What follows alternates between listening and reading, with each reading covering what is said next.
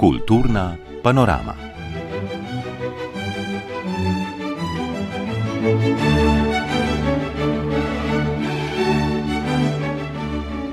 V tokratni oddaji bo še odzvanjalo dogajanje okrog kulturnega praznika in podelitve preširnovih nagrad. Predstavili bomo strokovne pomisleke glede združevanja muzejev, opozorili na medmuzejski projekt ob 450. obletnici hrvaško-slovenskega kmečkega upora, spregovorili o razstavah Marcela Valentinija, originalni ponaredki v Ljubljanski galeriji Žigalica in o razstavi Suzane Barborovič v mestni galeriji Nova Gorica. Nekaj minut bomo namenili umetniški zbirki tovarne Talum in se za konec pohvalili z dragocenim posnetkom, ki ga bo poslej hranil program Ars. Kulturno panoramo pripravljamo v Arsovem uredništvu za kulturo. Z glasbo je opremlja Tina Ogrin, za mešalno mizo je danes Vito Plavčak, pred mikrofonom pa Staša Grahek. V torek na predvečer kulturnega praznika so podelili najvišja državna priznanja z področja umetnosti, preširnovi nagradi za življensko delo ter šest nagrad preširnovega sklada. Nagrajence smo na kratko predstavili v ponedeljkovi Ars Humani, vsakemu posebej pa je v tednih, ki sledijo 8. februarju, namenjena oddaja naši umetniki pred mikrofonom. Ogledali smo si tudi državno proslavo, na kateri so podelili nagrade in pred mikrofon povabili njenega avtorja, režiserja in scenarista Matjaža Fariča. Na kulturni praznik smo izvedeli točen datum, kdaj leta 2025 bo uraden začetek Evropske prestolnice kulture. Naziv bosta v tem letu nosili Gorica in Nova Gorica. Dogodki se bodo začeli prav 8. februarja 2025. Urban Tarman. Pomladim nisi potreben. Nisi potreben poletjem, zimam in jesenim, ljudem in živalim nisi potreben, drevesom in času nisi potreben. Nisi potreben in nisi koristen, nič te ne rabi, ni denarja, ki bi te plačal. Naslov letošnji proslavi Svet se nagnil je naprej je dala skladba zasedbe Silence. Ustvarila jo je posebej za to priložnost. Pesem, slovesnost in nekatere zunanje okoliščine, ki jih bomo omenili v nadaljevanju, vse to je na svoj način osvetljevalo v srednjo temo prireditve, pod režijsko taktirko Matjaža Fariča, odnos umetnika do sveta in narobe. Proslava in z njo povezano dogajanje sta delovala kot nekakšna prizma, ki je omogočila različne poglede. Proslava in z njo povezano dogajanje sta delovala kot nekakšna prizma, ki je omogočila različne poglede. Proslava je bila eklektična, so ocenili mnogi, in kako bi bilo drugače, ko pa je njen koncept, da v enem večeru na enem odru podelijo priznanja raznovrstnim umetnikom in umetnicam, ter vsaj nakažejo raznolike umetnosti, v katerih delujejo. Po zdravljici je sledil nagovor predsednika upravnega odbora Prešernovega sklada Jožefa Muhoviča. Biti nekje, ker še ni bilo sveta in tam ustvarjati, kar more trajati, kar more prenavljati in širiti horizonte humanega sveta, to zmore samo nekdo, ki mu prostosti še niso skrhali, skušnjava, egoizem in navada. Opus preširnove nagrajenke Eme Kugler je polje vznikovanja podob, medtem ko kompozicije nagrajenca Hermana Gvardjančiča zajemajo iz življenja in narave, je povedal Muhovič. Še preden so izročili veliki nagradi, so na odr stopili nagrajenci preširnovega sklada za izjemne dosežke v zadnjih treh letih. Pisatelj Dušan Jelinčič, skladatelj Drago Ivanuša, pianist Aleksandr Gađijev, slikar Nikolaj Ber, filmski režiser Mateo Šluzar in člani arhitekturnega ateljeja Medprostor. Kdor si je proslavo natančneje ogledal, je opazil, da predsednik upravnega odbora, ko je pozdravil visoke goste, ni omenil ministrice za kulturo Aste Vrečko, ki je prav tako sedela v dvorani. Ministrica se je na kulturni praznik udeležila tradicionalnega recitala prešernove poezije na prešernovem trgu v Ljubljani. Ob počastitvi nagrajencev je na preširnov dan odprla vprašanje o prihodnosti prekarnih, manj vidnih, a nič manj ključnih delavcev v kulturi. Zlasti delo podpornih poklicev v kulturi ostaja javnosti nevidno, čeprav za ustvarjanje vsebin je enako pomembno kot tisto, kar vidimo na odrih, platnih, v muzejih in galerijah. Plačilo za upravljeno delo kulturnim delavcem in delavkam pa žal pogosto ne ustreza vloženemu trudu, znanju in delu. Na Ministrstvu za kulturo smo se zato zavezali, da bomo delavcem in delavkam v kulturi zagotovili dostojne pogoje. Na kulturni praznik smo izvedeli, kdaj leta 2025 bo uraden začetek Evropske prestolnice kulture, naziva, ki ga bosta nosili Gorica in Nova Gorica. Danes tukaj pa imam tudi izjemno čast, da lahko slovesno oznanimo, da se bo prav na slovenski kulturni praznik 8. februarja 2025 pričela Evropska prestolnica kulture Nova Gorica Gorica čeprav je del javnosti razburjalo vprašanje, kaj se bo zgodilo s prešernovo nagrado, ki jo je Svetlana Makarovič zavrnila pred 23 leti, ali jo bo končno prevzela, ali jo bodo sploh izročili, kdo bo tako modr, da bo prvi popustil in tako naprej, je bilo dan po proslavi jasno, da je bila v širši javnosti glavna novica, da je predsednik vlade Robert Golop na državno proslavo pod roko uradno pripeljal spremljevalko Tino Gaber. Če se vrnemo korak nazaj, v zraku je več tednov viselo vprašanje, kaj bo storila Svetlana Makarovič. Ali se bo, če bo sila celo splazila na odr, kot je sama dejala. Ali pa bo na drugi strani upravni odbor zmožen velikodušnosti, da namesto črki zakona sledi njegovemu duhu in nagrado tako ali drugače, prej ali slej in ne nujno na slovesnosti, vendarle izroči nagrajenki. Ne, To se ni zgodilo. Obe strani sta se, tako se zdi, ukopali v svoji poziciji in izražali vzajemni prezir ali radoživo nagajanje. In v tem smislu je mogoče razumeti upravni odbor, da bo za uročitev treba najprej spremeniti zakon o prešernovi nagradi in še več, da naj postopek sproži uradna prošnja. Predsednik upravnega odbora je v odmevih televizije Slovenija prejšnji teden pojasnil svoj pogled. Prošnja bi bila dovolj za sprožitev postopka. Zlahka si predstavljamo, da eh, tako unikatnih situacij, kot, sto, kot sta se pokazali v sedanjem predprazničnem prešernovskem času, to je odozem nagrade oziroma težko rečemo, vročitev ja. nesprejete nagrade, mm. tega zakonodajalec ni nikoli mogel predvideti. Ja. Zakon o prešernovi nagradi, ki bi imel izjemno izpostavljen člen o odvzemu nagrade in o vročanju zavrnenih nagrad, bi bil verjetno malo hecen. Če je res tako, kot se je izrazil Muhovič, je na mestu vprašanje, zakaj je upravni odbor potem sploh nakazal možnost spreminjanja zakonodaje. Kar se je zgodilo, je bil nad vse kulturen škandal, kot so pravilno ocenili kolegi z Radija Student. Po koncu uradnega dela proslave je umetnica v družbi dveh prijateljev z petkovih kolesarskih protestov stopila na oder in prebrala kratko pesem. Nekateri povabljenci so vstali in protestno zapustili dvorano, drugi so navdušeno ploskali. Problem, na katerega je, hočeš nočeš, opozorila Svetlana Makarovič, pa je naslednji. Če je mogoče razumeti razloge, zakaj je pred leti nagrado zavrnila, šlo je za samovoljno odločitev upravnega odbora, ni šlo za javno delo Marka Rupnika in nagrada za življensko delo ne more biti nagrada za posamezno delo. Ali, če smo resnično konsistentni, ne drži tudi, da je letos po razkritjih Rupnikovih zlorab še več razlogov, da nagrade ne sprejme.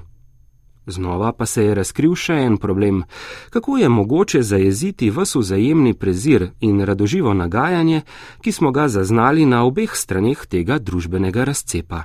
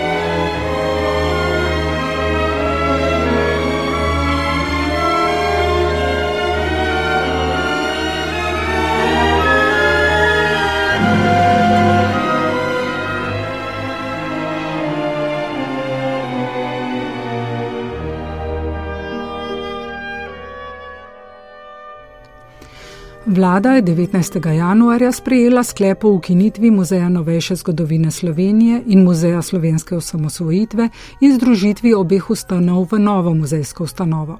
Združitev muzejev Nov javni zavod so pozdravili v skupnosti muzejev Slovenije, Slovenskem muzejskem društvu in Mednarodnem muzejskem svetu. IKOM Slovenija podporujo je tudi strokovni svet Muzeja novejše zgodovine. Združitvi pa med drugim nasprotuje svet javnega zavoda Muzej novejše zgodovine Slovenije in velika večina zaposlenih v muzeju, ki so za sklep izvedeli iz medijev. Pozornost je zbudilo odprto pismo v podporo avtonomiji muzejev, ki sta ga kot prva podpisala dr. Marko Štepec in dvojna doktorica Verena Perko, zanima pa že skoraj 200 ljudi, med njimi številni muzealci. V pismu od vlade med drugim terjajo tehnejši premislek o ukinjanju in združevanju muzejev, stanovskim društvom, ki so odločitev podprla, pa očitajo, da se niso postavila v bran avtonomiji muzejev. Na ta očitek Jana Babšek, predsednica IKOM Slovenija, odgovarja. Skratka, jaz lahko govorim za društvo IKOM Slovenije, ki pač seveda si um, prizadeva za avtonomijo muzejev, kot si številni muzeji po svetu uh, tudi prizadevajo za to. V bistvu je IKOM Slovenije odreagiral tudi takrat ob ustanovitvi muzeja samosvojitve, napisal nek dopis odločevalcem in pravzaprav podal neke pomisleke o postopku ustanovitve, se pravi, da muzej nima zbirke, da ni bila zagotovljena participativnost, vendar ni bilo takrat prav tako nikakršne povratne informacije. Kratka, mi bi si želeli, seveda, da se vzpostavijo pogoji za avtonomno delovanje muzejev, da se razume pomen strokovnega, ne političnega obravnavanja tematik, saj je to v največjo korist slovenske zgodovine in slovenske javnosti. Zdaj pa če so pa um, neke, neke take politične pregretosti, neke politične odločitve, pa slovenski muzealci pravzaprav želimo to urejati skozi ta muzealska strokovna načela, ki jih pa omogoča urejena zakonodaja, ki določa, kaj je muzej, kdo ga lahko ustanovi, kdo ga lahko ukine in tako dalje. Kljub uh, dolgoletnim prizadevanjem mi tega zakona še nismo dobili in pač uh, ga čakamo in si prizadevamo še naprej. Ne. In prav zato nastajajo pa zapleti, kakršni smo priča danes. No, če se vrnemo k temu primeru, učitajo vam, da za podporo te vladne odločitvi, ki ste jo pač izrekli, niste pridobili soglasja članov. Tukaj je nastal nek neprijeten občutek. Pravzaprav pri nas smo se izvršni zbor se je posvetoval in po skupnem posvetu smo nekako rekli, da si želimo neko stanje, kot je bilo pač prej, da se potem z nekim večjim premislekom ustanovi muzej osamosvojitve. Še za večjo podporo pa bi seveda moral sklicati občni zbor, to se pa v tako uh, hitrih pač reakcijah, kot so te politične uh, odločitve, ki so iz danes na jutri pač ne da tako hitro organizirati, ampak zagotovo ta posvet še bo. Doktorju Marku Štepcu pa smo postavili vprašanje, ki je zapisano v naslovu odprtega pisma za avtonomijo muzejev. Kdo odloča o muzejih in slovenski dediščini? Javnost, stroka ali politiki? Ja, odgovor je še vedno vstal nekje v zraku. Eh, verjetno je, je tu še vedno politika najmočnejša, ki, ki pravzaprav odloča. Verjetno bi pa nekje v prihodnosti muzeji tudi v tem morali izpolniti svojo vlogo, da bi s svojim vedenjem učili, da je pravzaprav demokracija vrednota. Moramo vedeti, da muzeji že po svoji, po svoji strukturi, po svojem delu, pomenu, zgodovini, kako so nastali, kako so se razvijali in kje so, so pravzaprav pluralne ustanove in so v prvi vrsti namenjene javnosti in odgovarjajo javnosti, naslavljajo javnost in pravzaprav muzej, ki, ni, ki določeni skupnosti ni sposoben postavljati vprašanj ali pa, ali pa nuditi določenih odgovorov, pravzaprav ne more izpolnjevati svoje vloge. Kar pomeni, da seveda želja je, da bi v muzejih odločala javnost, ne? za kar pravzaprav morajo biti pa neka, neka, neka, neke pravne podlage in ne na zadnje, da se ne smemo slepiti, ne? tudi neka zrela, zrela politika ki bo znala to spodbuditi in se zavedati pomena muzejev. No. In ne posegati v, v, v avtonomijo muzejev, ki je pravzaprav pa pogoj muzejskega dela. Če mi, če mi želimo pravzaprav izpolnjevati svoje programe, mi pač ne moramo se ozirati na, na dnevne politične eh, in, in podobne stvari, no, ampak moramo, mora biti tukaj neka daljša, dolgotrajnejša vizija, ki v bistvu nagovarja javnost na podlagi neke, nekega znanja, na podlagi pravzaprav nekih znanstvenih izhodišč, pa sploh na tem križišču nekje pedagoškega, znanstvenega, dediščinskega dela, ki ga pravzaprav upravljamo. No. In tukaj pravzaprav v resnici za politiko prav veliko prostora ne bi smel biti. Ne. Temi namenjamo današnjo oddajo razgledi in razmisleki ob 14.30 na Arsu.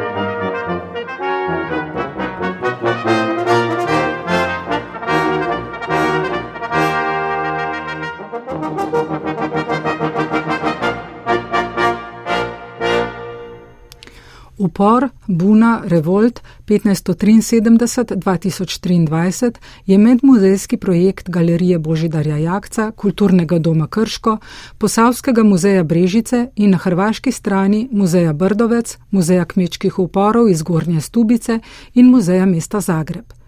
Z njim obeležujejo 450. obletnico hrvaško-slovenskega kmečkega upora. V omenjenih ustanovah pripravljajo dogodke vse leto, prve razstave pa so odprli v Krškem, Brežicah in Kostanjevici na Krki. Več Suzana Vahtarič.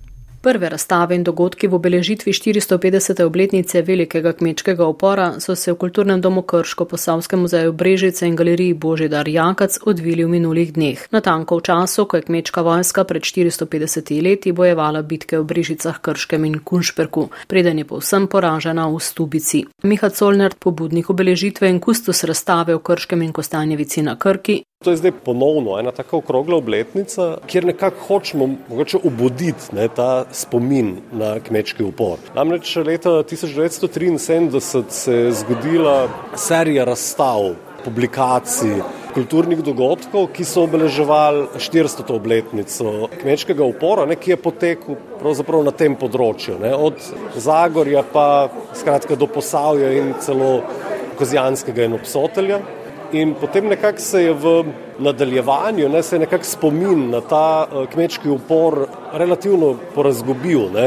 Če so uh, umetniki leta 1973 ustvarili ogromno umetniških del na temo kmečkega upora, če so se postavljali spomenike, recimo zdaj ob 450. obletnici ni ne, tega pogona. Ne. Zdaj v bistvu prvo vprašanje, ne, ki se tu postavlja, je zakaj ne. ne. Zakaj je pravzaprav kmečki upor, ne, ki predstavlja neke vrste identiteto vseh teh krajev, ali Brežic, ali Krškega, ali pa Stubice, zakaj je nekako šel v pozabo. Kot ugotavlja Miha Colner, ta spomin še ni šel popolnoma v pozabo in še vedno peščica sodobnih umetnikov ustvarja v temi kmečkih uporov in naslavlja idejo brezpravne raje proti oblasti. Miha Colner. Tudi seveda umetniška dela, ki so se ustvarjala ne, skozi 19. in 20. stoletje v različnih režimih, so nekako na različne načine upodabljala ne, ta kmečki upor. Danes, v reku, preteklih 30 letih, situacija malce drugačna, ampak seveda še vedno obstaja. Skratka, konkretno tule v Kulturnem domu Krško imamo delo, fotografijo Darja Petkoviča, ki je krčan, ki živi v Zagrebu že 30 let, ampak se v bistvu zelo rekel, obsesivno ukvarja ne, z eh, mitologijo kmečkega upora in s figuro Matije Gupce. Skratka, ja, razstava nekako poskuša zaobjeti predvsem to temo. Razstava z naslovom Upor 1573-2023 je del večjega projekta, ki prinaša serijo večjih razstav in dogodkov skozi vse leto na vseh petih lokacijah deležnikov združenih v projektu pod enotnim naslovom. V Kostanjevici na Krki so v galeriji Božidar Jakac na kulturni dan odprli razstavo originalnih del hrvaških in slovenskih umetnikov, kjer so si ogromno del tudi sposodili iz drugih institucij in naredili presek upodabljanja kmečkega opora v 20. in 21 20. stoletju. Direktor Kostanjeviške galerije Goran Milovanovič najavlja še obsežnejšo razstavo sredi poletja. Kot smo pa v vseh teh raziskovanjih pravzaprav ugotovili, je tega materijala res veliko. Gre res za neko podobo, identiteto prostora in si ob 450-letnici seveda zasluži bistveno večji projekt, kot smo ga zdaj trenutno uspeli sproducirati. V Kostanjevici na Krki smo morali zaradi bogatega drugega programa in nekih drugih mednarodnih razstav, ki jih eh, snujemo v letošnjem letu, nekako zagotoviti dodatne sredstva za to, da bi eh, tako veliko razstavo pripravili. Mislim, da nam je vsaj po ustnih zagotovilih to zdaj uspelo in da bomo res eh, poleti, najverjetneje v drugi polovici meseca julija, odprli veliko razstavo v, v našem največjem razstavišču na to temo. Temo oporov so v posavju začeli s prvo razstavo 3. februarja, na dan, ko je kmečka vojska ukorakala v Krški videm, v kulturnem domu Krško, pred katerim se bohoti monumentalni kip Toneta kralja, Matija Gubec, stisnjeno pestjo iz leta 1977, na istoimenskem osrednjem trgu pred vrati kulturnega doma. Direktorica kulturnega doma Krško, Darja Planinc da na dostojen način obeležimo to pomembno obletnico in kot je bilo na otvoritvi večkrat rečeno, da na njo pogledamo tudi z današnje perspektive, da dogodkom nastavimo ogledalo. Upor je nekaj, kar um, nas v teh časih lahko se dotakne bolj, kot si morda mislimo in vidim krasi in se po Matiju Gubcu imenuje njegovo srednjo prizorišče trg. E, tukaj stoji imeniten monumentalni spomenik Tonata kralja. Upor Buna Revolt 1573-2023 je medmuzejski projekt. Na slovenski strani sodeluje ob Kostanjeviški galeriji in Krškem kulturnem domu še Posavski muzej Brežice, ki ima razstavo o kmečkih uporih v svojih stalnih postavitvah, pravi direktorica Alenka Črnelič Krošelj. Že leta 2020, ko je bila 500-letnica rojstva Ilije Gregoriča, je bilo na črtu skupaj s hrvaškimi kolegi, da začnemo s predavanji, začnemo z opozarjanjem. Tako da pol se seveda to mečkano spremenilo, ampak pri nas eh, je tudi naša ustanova edina, ki že od vsega začetka te temi posveča veliko pozornosti. Tudi edina stalna razstava na slovenskem posvečena uporom je v bistvu prav pri nas in letos je prenavljamo in pa predstavljamo tudi strip, ki ga je naredil Jakob Klemenčič. Ob 450. obletnici hrvaško-slovenskega kmečkega opora bodo partnerji v projektu v tem letu pripravili še strokovna predavanja, pedagoške delavnice, projekcijo filma Ano Domini 1573 Vatroslava Mimice, izdali bodo skupno publikacijo in pripravili strokovno ekskurzijo po krajih kmečkega upora.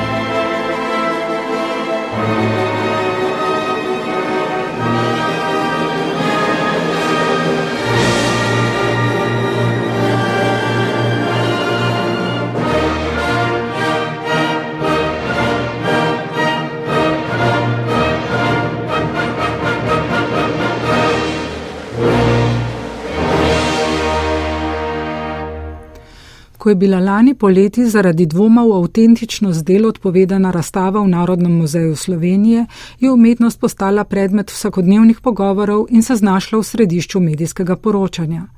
Ponaredki so povezani s škandali, a ne vedno.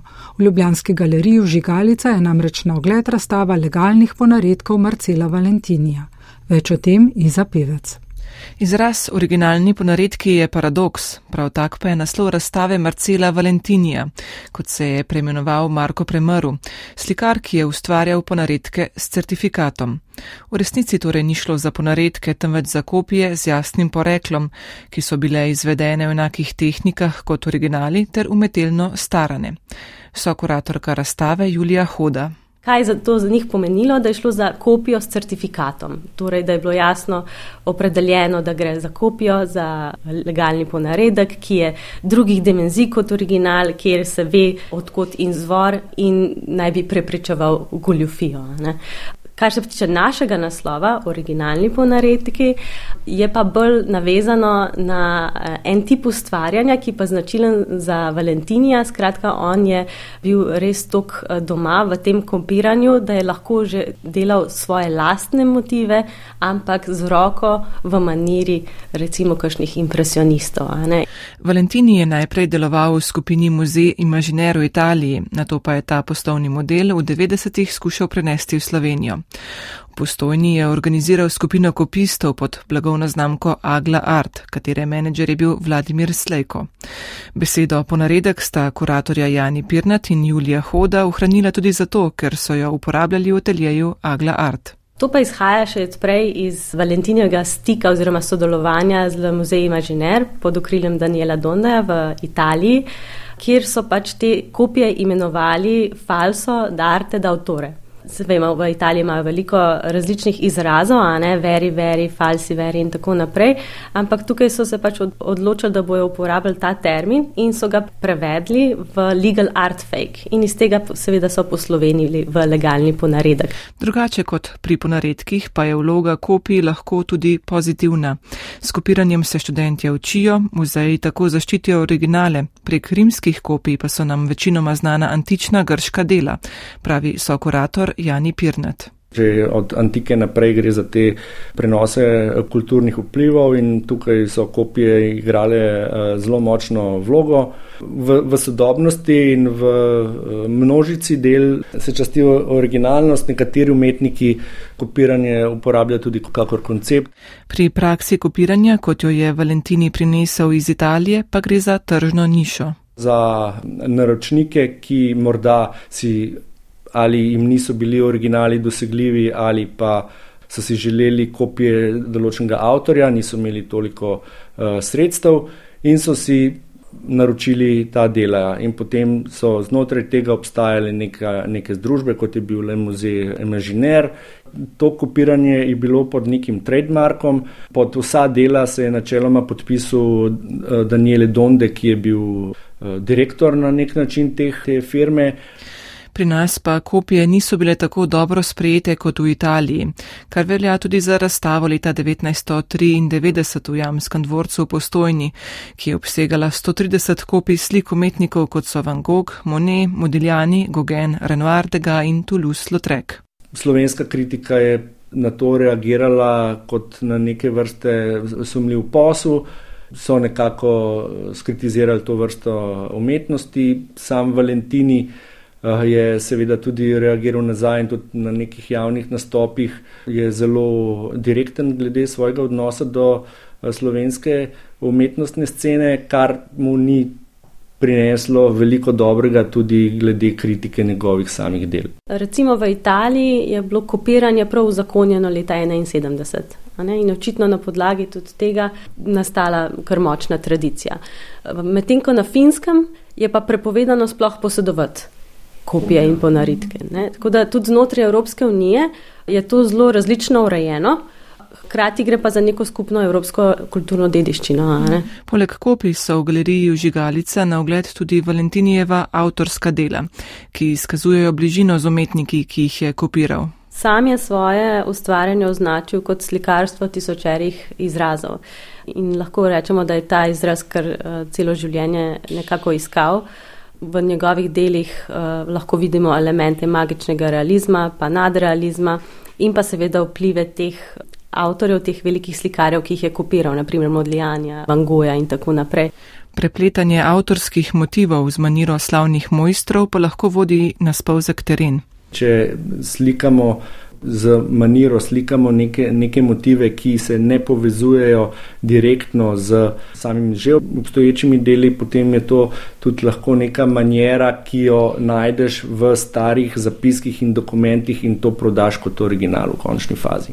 Kljub zaščiti s certifikati, podpisi in žigi, tudi legalne kopije lahko postanejo ponaredki, saj se certifikat na zadnji strani zlahka odstrani in pri večini del že po prvi prodaji ni več mogoče slediti njihovemu stanju in lastništvu. Na to problematiko nakazuje tudi to, da je bil leta 2004 Valentini zaradi izdelave 13 ponaredkov prodanih lokalnemu podjetniku kazensko ovaden, a je še pred izrekom sodbe umrl. Za goljofijo pa je bil, kot pišejo v galeriji, pogojno obsojen član njegove družine. Kljub temu, da je zgodb ponarejanja bilo pri nas že več, pa je to eden od redkih primerov z obsodbo. Na podlagi primera Valentini bodo zato temo ponaredkov in kopij v galeriji dodatno odprli 16. marca, ko bodo o tej problematiki pripravili pogovor.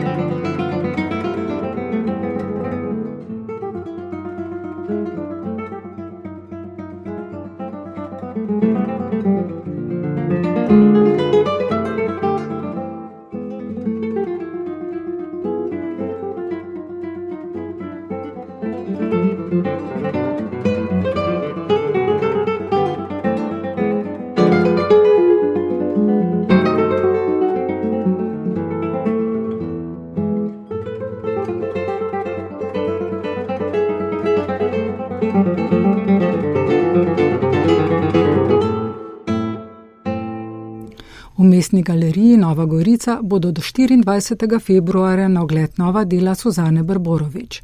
Gre za večkrat nagrajeno prodorno slikarko mlajše generacije, ki se je pred letom dni iz Leipciga vrnila v rodni kran. Njena dela so vključene v zbirke kot so Albertina, Bayer Kultur, Moderna galerija in Riko, glavna tema tokratne razstave pa je upiranje pogleda v prostranstvo, v nebo in vesolje. Prispevek Eve Furlan. Recimo vzgib za to gledanje v nebo je bilo um, takrat, ko so pošiljali Starlink um, satelite za 5G um, v vesolje. In to so v bistvu bile linije mehkih pikic, ki so pač potovale po nebu. In to je meni zbudilo zelo veliko zanimanje, kaj to je, čemu bo to služilo, pač namen tega in tako naprej. Tako o vzgibu za razstavo Observatorium, s katero se v Novogoriški galeriji tokrat prvič predstavlja samostojno, pove Suzana Brborovič. Učinek njenih del na gledalca se prav v tem prostoru poveča in še bolj poveže z naslovom. Kako likovna kritičarka Maša Žekš. To smo v bistvu Suzano kar mal podebatirale, sicer um, se nam je na koncu zdela to genialna ideja, da bi naslov razstave bil observatorij, ker je tudi cel prostor, te okrogle na pol oblike in uh, s temi svojimi stropovi in to geometrijo nekako spominja na neko na pol vesoljsko ladjo ali pa na nek torej prostor, kjer se lahko opazuje vesolje. Tako da v bistvu je bila to nekakšna skupna asociacija in glede na to, da se observatoriji, pa te antene, pa sateliti, pa te stvari pojavljajo v njenih delih, se nam je na koncu zdel to tak prikladen naslov naslov. Signal, Space Train, The Floor is Lava so naslovi nekaterih od tokratnih del, ki so nastajale v obdobju epidemije, selitve iz Leipciga nazaj v rodni kraj, pa rojstva drugega sina. Umetnica, ki se hitro lahko naveliča že osvojenega, išče vedno znova nova izrazna sredstva, kar jo pri slikarstvu drži zelo navzočo. Ja, te slike so v bistvu nadaljevanje moje prejšnje prakse, ki se je vezala večinoma na arhitekturo, na prostore. Potem pa se mi zdi še v času pandemije, da v bistvu po rojstvu sina, prvega sina, sem začutila potrebo, da bi se mogla premakniti nekam drugam v drugo polje.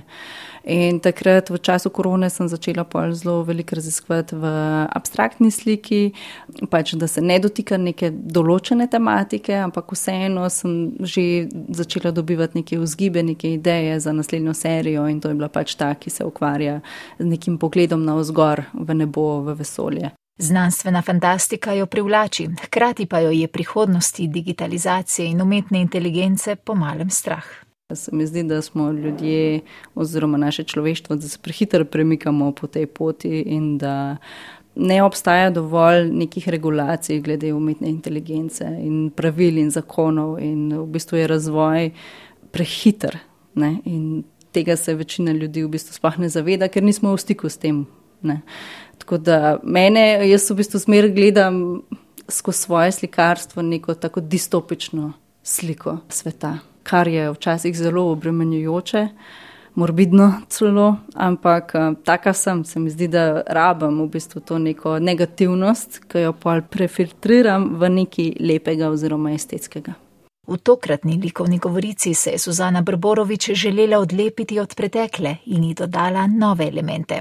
Ali kot pove likovna kritičarka Maša Žekš, združuje strogost na eni in daje možnost svobodi na drugi strani. Tehnika, s katero se Suzana loteva svojih del, je pa izredno natančna in um, tako zahteva nek čas, neko natančnost, preciznost, zato ker ona na način, kako ona plasti te slike, kako se jih zamišlja, jih konstruira in potem jih uresniči s tem, da oduzema torej različne plasti s pomočjo različnih teh um, lepilnih trakov, pa nekega merjanja, pa ravnil, pa takih stvari, je v bistvu iz tega vidika slika v resnici zelo natančna in tako stroga, medtem ko na hitrco, ne mogoče pa deluje mehkejša. Res pa je, da so nekatera dela na razstavi zelo geometrijska, veliko je teh črt, veliko se tudi vidi, eh, nekatero je sijaj, nekatero je mat, ko se bližje stopi k sliki in se jo v živo pogleda.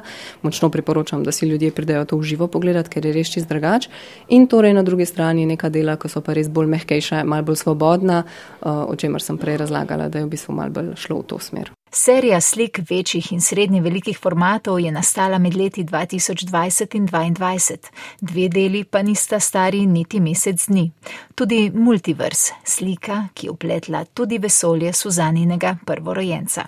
Dejansko zelo rada vključam sina, pač sploh v začetnih eh, stadijih slike v proces. Um, tako da, ja, v bistvu jaz uh, polivam na platno. In potem tisto, kar je recimo dobro od nekih potez, jih zamaskiram z salotejpom in potem, in potem um, se pravi slikam čez in no, to je moj sin, ki se oglaša. In potem um, na koncu, v bistvu, ko je slika že narejena, jaz v bistvu odstranam te salotejpe, ki sem jih prej zanimala in vzpostavi se nek dialog. Eh, hkrati pa tudi vmes med procesom eh, pokličem svojega sina, da mi pride pomagati in uh, kakšno potezo naredi, ki, če je posrečena, jo obdržim. Torej, to ne pomeni, da vse, kar naredi, da je super, daleč od tega, ampak pač izbrane stvari, pa tudi stvari, ki mislim, da bojo pač pozitivno učinkovali na samo kompozicijo slike, pa potem obdržim jo pač eh, tudi zaselotepam in slikam čez in na koncu odlepim in se zelo lepa harmonija v bistvu vzpostavi med nečem, kar je zelo kontrolirano, pa po drugi strani to neko igrivostjo poteze, ki jo pač on prinese zraven. Najsvetlejši objekti v posameznikovem vesolju vedno dodajo prav svoj poseben odmev.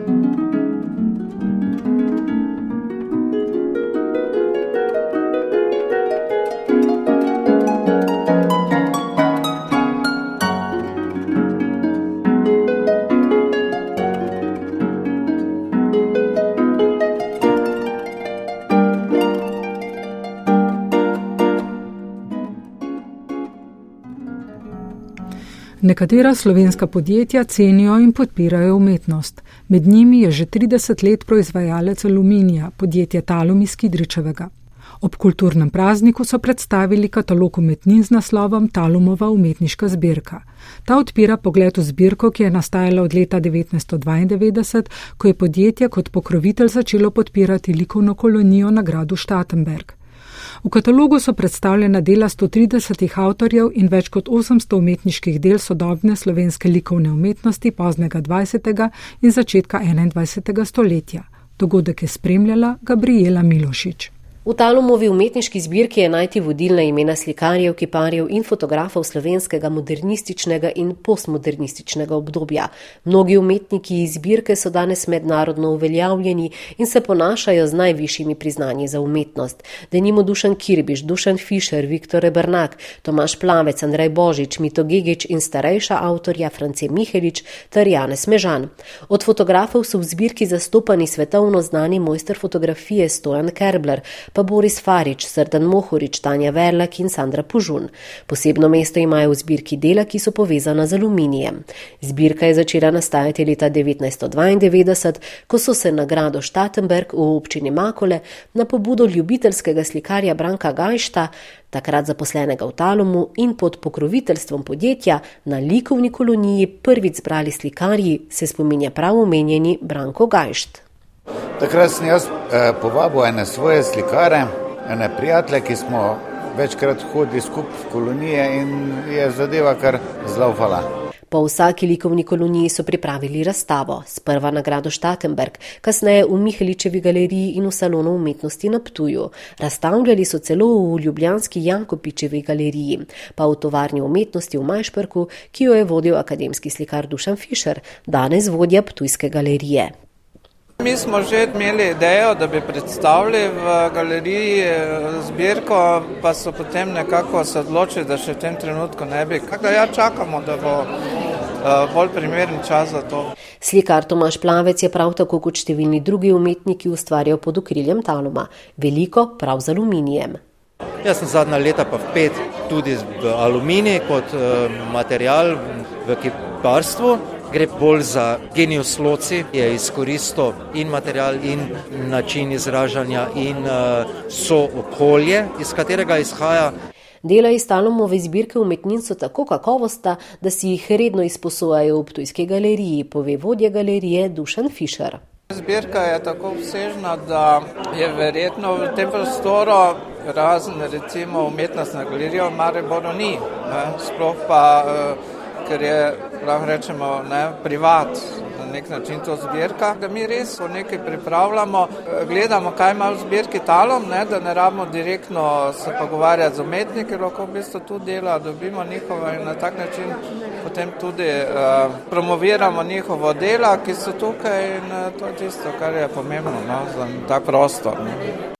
Katalog umetnin omogoča podroben pogled v vsebino zbirke. Zasluga zanj gre v veliki meri doktorici Marjetici Glenečki, raziskovalki, kuratorki in pedagoginji sodobne umetnostne zgodovine.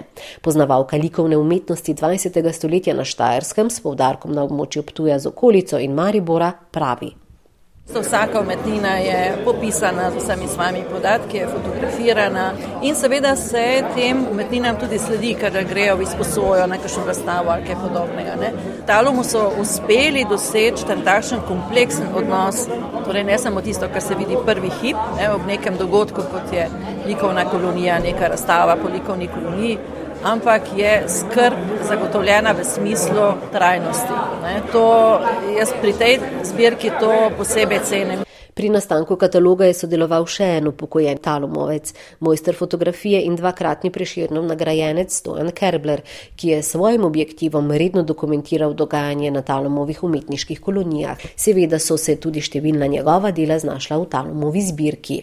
Značilno za mene je, da slikam tisto, kar danes je, jutri pa ni. In dejansko te tovarne, stari elektrolis in tega pasteljega načina dela danes sploh več ni. Ne. Tako da navdih eh, je najkadarkoli, kjerkoli. Ja, čutim, moraš, to, je, to je tisto glavno, to je meni vodilo, nekaj čutim, da je vredno fotografirati. Da je zbirka umetnin tako obsežna in kakovostna, gredo zasluge tudi skrbniku zbirke Darku Ferlincu, ki je ne le pomagal organizirati likovne kolonije, temveč je sodeloval tudi pri nakupu umetnin in pri promociji zbirke.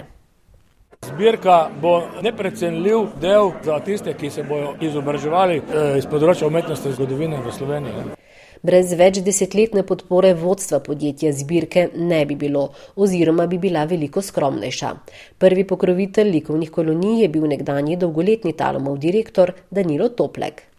Bistvo neke fabrike niso samo tone, metri, kilogrami, če se koli že dela, niti milijoni, ki jih na koncu leta preštevaš, temveč dejansko je bistvo vsega, kako je ta tovarna, neko podjetje vpeta v okolje, v katerem deluje. In seveda, življenje je sestavljeno večplastno in ena od teh stvari, ki je za ljudi, bi, na, bi naj bila pomembna, je pa seveda umetnost. Zbirko hranijo v sodobnem depoju, saj gre za pravo dragocenost, se zaveda tudi sedanji predsednik uprave Taluma Marko Drobnič. Podpiramo tudi umetnost eh, v okolju, iz katerega prihajamo. Ne? Zelo smo ponosni. Marsikateri izmed nas, talomovcev, po pregledu eh, kataloga zbirke umetnin, sploh ni vedel in se ni zavedal, kaj vse smo sooblikovali in eh, soustvarjali. Zbirka namreč, kot povdarjajo avtori kataloga umetnin, skupaj z drugimi muzejskimi in galerijskimi ustanovami, pomembno so oblikuje tudi nacionalni umetniški fond in skrb za ohranjanje slovenske kulturne dediščine.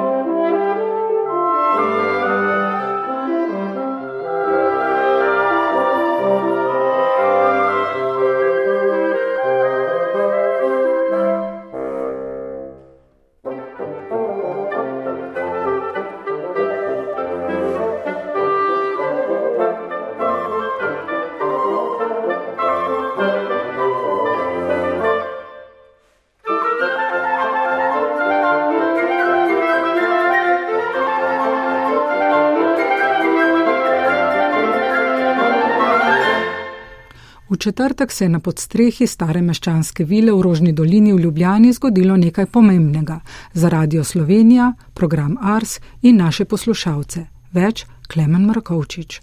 Emilija Soklič, dolgoletna tehnična vodja Triglav filma in Badjurova nagrajenka, se je odločila, da je pri njenih čestitljivih 104 letih čas, da se poslovi od zvočnega zapisa, ki ga je v hrambo in skrb zapustil Rudi Omota, tonski mojster in inovator, s katerim sta bila neločljiva prijatelja. Gre za original posnetka koncerta Akademskega pevskega zbora Pevskega zbora Univerze v Ljubljani, ki je bil 12. decembra 1941 posnet v Unionski dvorani tik pred kulturnim molkom. Gre za neverjetno tonsko dediščino, ki bo od zdaj v hrambi Radia Slovenija. Njen skrbnik pa bo tretji program Radia Slovenija, program Ars. Gospa Soklič je ob predaji povedala.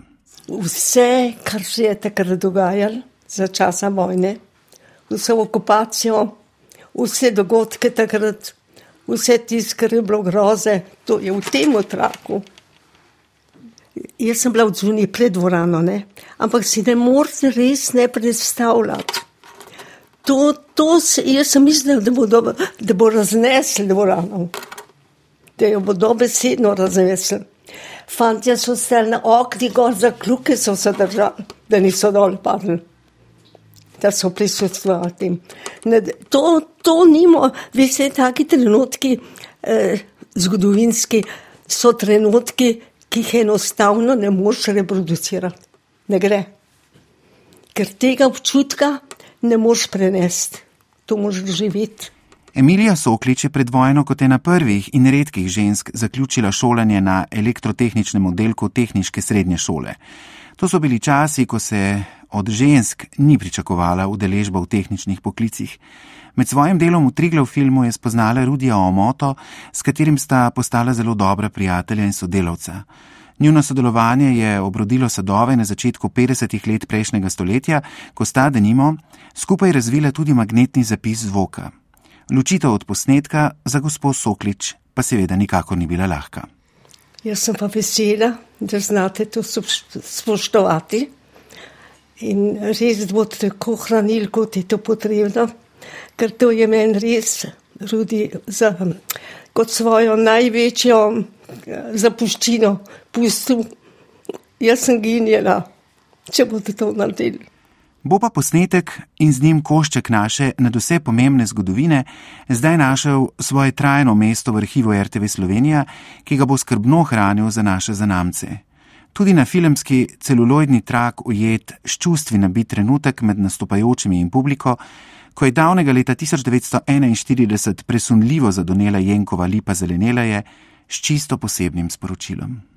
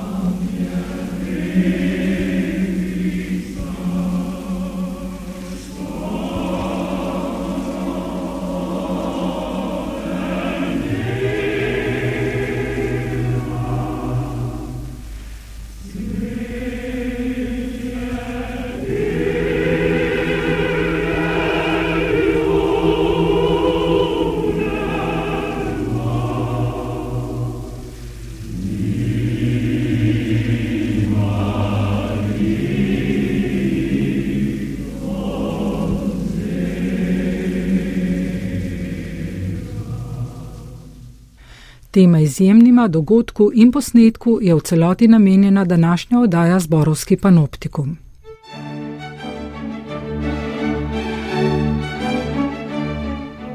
To je bila kulturna panorama. Prispevke smo pripravili Urban Tarman, Suzana Vahtarič, Iza Pevec, Eva Furlan, Gabriela Milošič, Klemen Markovčič in Staša Grahek, ki sem oddajo tudi uredila in vodila.